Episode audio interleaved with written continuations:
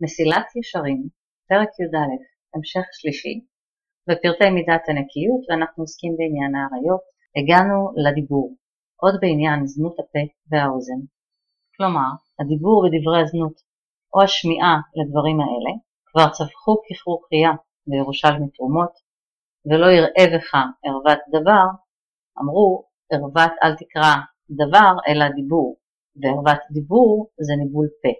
בואו נעצור פה. אז אומרים חכמים, הנקיות מן המקום הזה צריך להיות גם במה שאנחנו מדברים ובמה שאנחנו שומעים. למה? כי הם משתמשים במושג ערוות דיבור זה ניבול פה. מה זה ניבול פה? ואמרו בעוון נבלות פה צרות רבות וגזרות קשות מתחדשות ועוד. וכל המנבל פיו מעמיקים לו גיהנום, כן? אז, אז מה העניין הזה של דווקא נבלה? אז מה זו נבלה? כידוע, נבלה זה משהו שהיה חי ונגמר לו פוטנציאל לחיים, ננסח את זה ככה. וכיוון שהפה שלנו, וזה היסוד החשוב להבין פה, הפה שלנו הוא, הוא פה שעוסק בדברים של קודש, בדברים אלוקיים. אה, כמו שאמר רבי שמעון, שמסופר שרבי שמעון, כשהוא היה במערה, חשב, היה צריך לברוא שתי פיות, אחד לדברי קודש, אחד לדברי חול, כי לא ייתכן שאותו איבר ש, שעסוק בקודש, עכשיו כאילו יחולל בדיבורים של חולין, חס ושלום כאילו בדיבורים אחרים בכלל. והרעיון פה הוא בעצם, שאנחנו יודעים שכשמתואר תהליך הבריאה וגם תהליך בריאת העם על ידי מתן תורה, אז הכוח שאיתו הקדוש ברוך הוא בחר לעשות את זה, הוא כוח של דיבור בעשרה מאמרות, כלומר אמירות, נברא העולם, ועשר דיברות הקדוש ברוך הוא נותן לעם ישראל במעמד הר סיני. כלומר, וחכמים אומרים ש... כל מי שמדבר דיבור טוב הוא בורא מלאך טוב, ומי שמדבר דיבור שהוא הפך הטוב בורא מלאך לצד השני. הכוח הפוטנציאל, הכישרון של כוח הדיבור של האדם זה היכולת שלו לברוא. בדומה לבורא, לא כבורא ממש כמובן, אבל בזכות הכוח שהבורא יתברך נותן לנו. כאשר אנחנו שומרים על הדיבור שלנו טהור, זאת אומרת שאנחנו עוסקים או בדיבורים של קודש או בדיבורים נצרכים, אמ, כאמור יש חמש סוגים של שיחה אה, שהרמב"ם אה, מציין, איזה דיבורים קיימים בכלל בעולם, כן? ובגדול אנחנו רק נגיד ש... דיבורים שהם דיבורים של תורה או של מצווה, או של נפש גם, כן? דיבורים שיש בהם תועלת לאדם, שהם חלק מהקשר שנוצר בין בני אדם.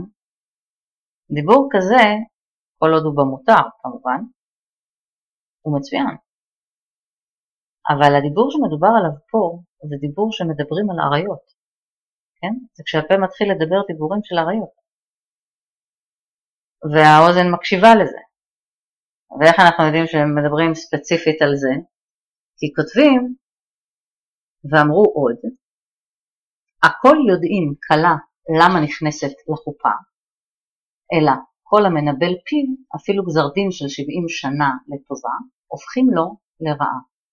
כלומר, כולם יודעים מה קורה אחרי שאיש ואישה מתחתנים, אבל מי שמנבל את הפה, מי שמדבר על זה, זה, זה לנבל את הפה.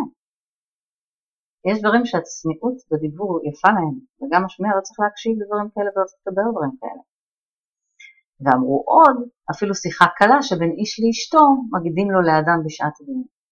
שיחה קלה זה הלשון הנקייה של חז"ל, אה, לאמור אה, בשפתנו נאמר פלירטוט, אוקיי? שיחות כאלה. ואפילו בין איש לאשתו, כן? אז יש דברים שהם בגדר התועלת והמותר גם שם, ויש דברים שלא. ובעניין השמיעה הרעה הזאת גם כן אמרו, אף השומע ושותק.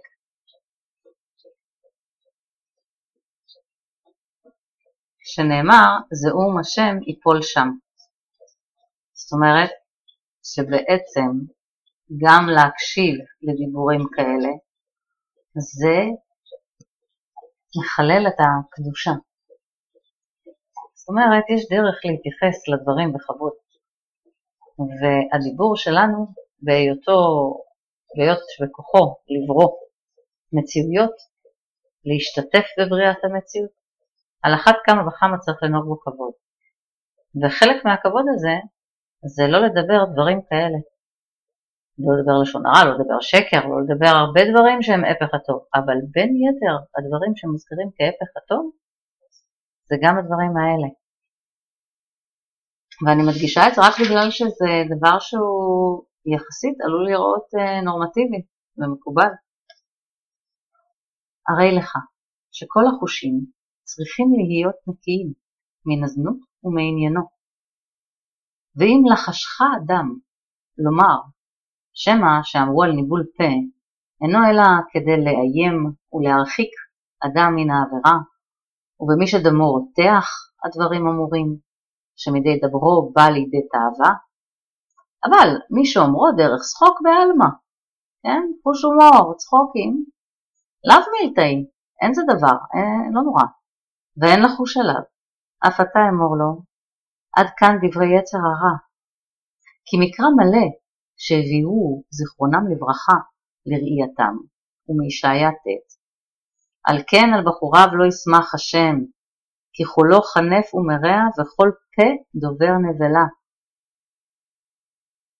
הנה, לא הזכיר הכתוב הזה, לא עבודה זרה, ולא גילוי עריות, ולא שפיכות דמים, אלא חנופה ולשון הרע וניבול פה, כולם מחטאת הפה לדיבורו, ועליהם יצאה הגזרה.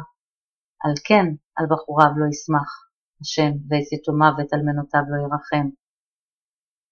אלא, האמת הוא, כדברי רבותינו זכרונם לברכה, שניבול פה הוא ערוותו של הדיבור ממש, ומשום זנות הוא שנעשה וככל שאר ענייני הזנות, חוץ מגופם של מעשה, שאף על פי שאין בהם כרת או מיתת בית דין, אסורים הם איסור עצמם, מלבד היותם גם כן גורמים ומביאים אל האיסור הראשי עצמו.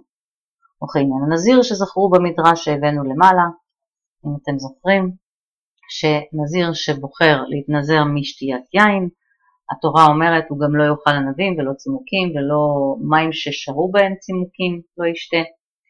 והגפן בעצם צריכה להיות לא קיימת עבורו. זה המשמעות של נקיות. ואמרנו בסוף הפרק, החלק הקודם, שנקיות כשמה כן היא. כמו שאו שמשהו מלוכלך או שהוא לא מלוכלך. אז אפילו קצת לכלוך זה כבר לא נקי. על אותה דרך.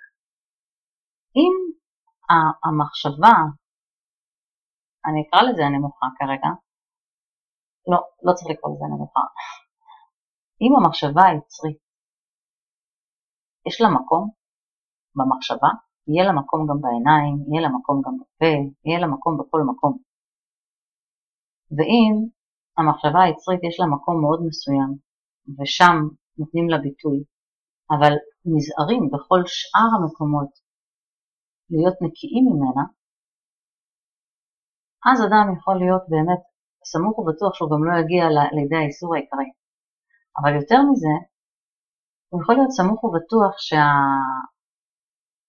שהצלילות שה... והבהירות של המחשבה שלו בעולם, בחיים, ביחס לכל מיני אירועים והתרחשויות, שמה שיתרחש ויתהווה בחיים שלו, יהיה בהתאם למידה של הנקיות שלו. הקדוש ברוך הוא לא מכשיל.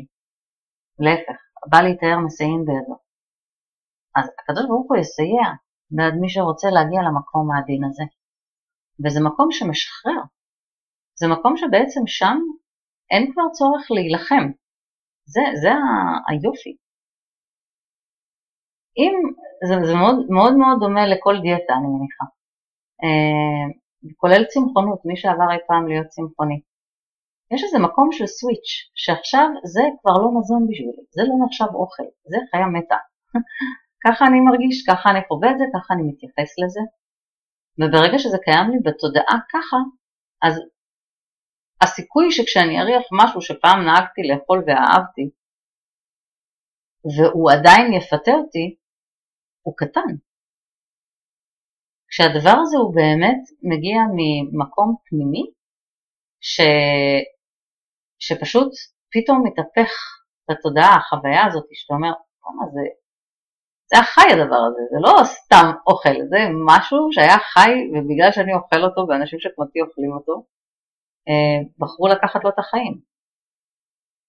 ולא סבבה לי להכניס משהו שלקחו לו את החיים לגוף.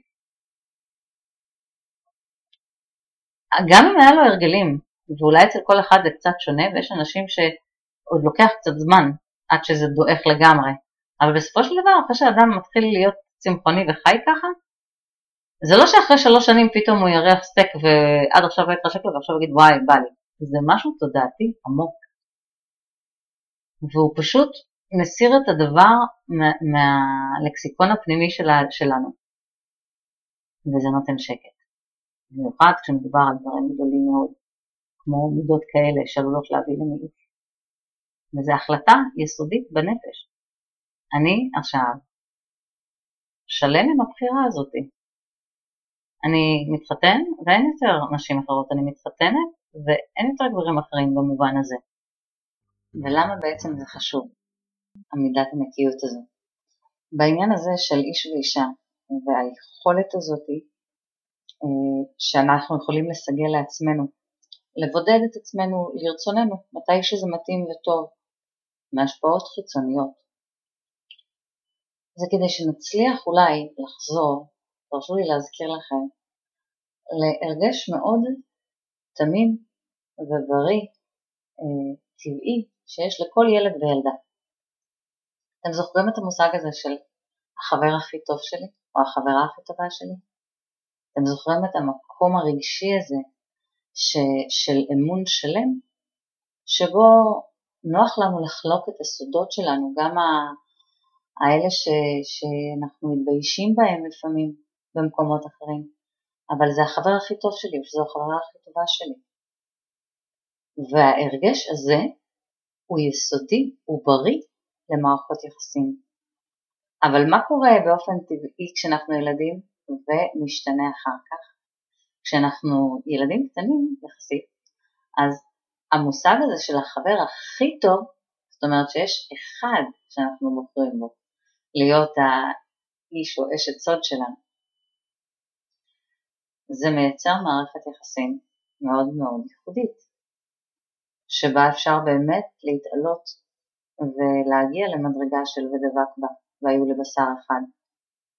וזו חוויית חיים שונה לחלוטין מאשר זוגיות שבה כל הזמן יש את המקום של האינטרסים אחד של השני.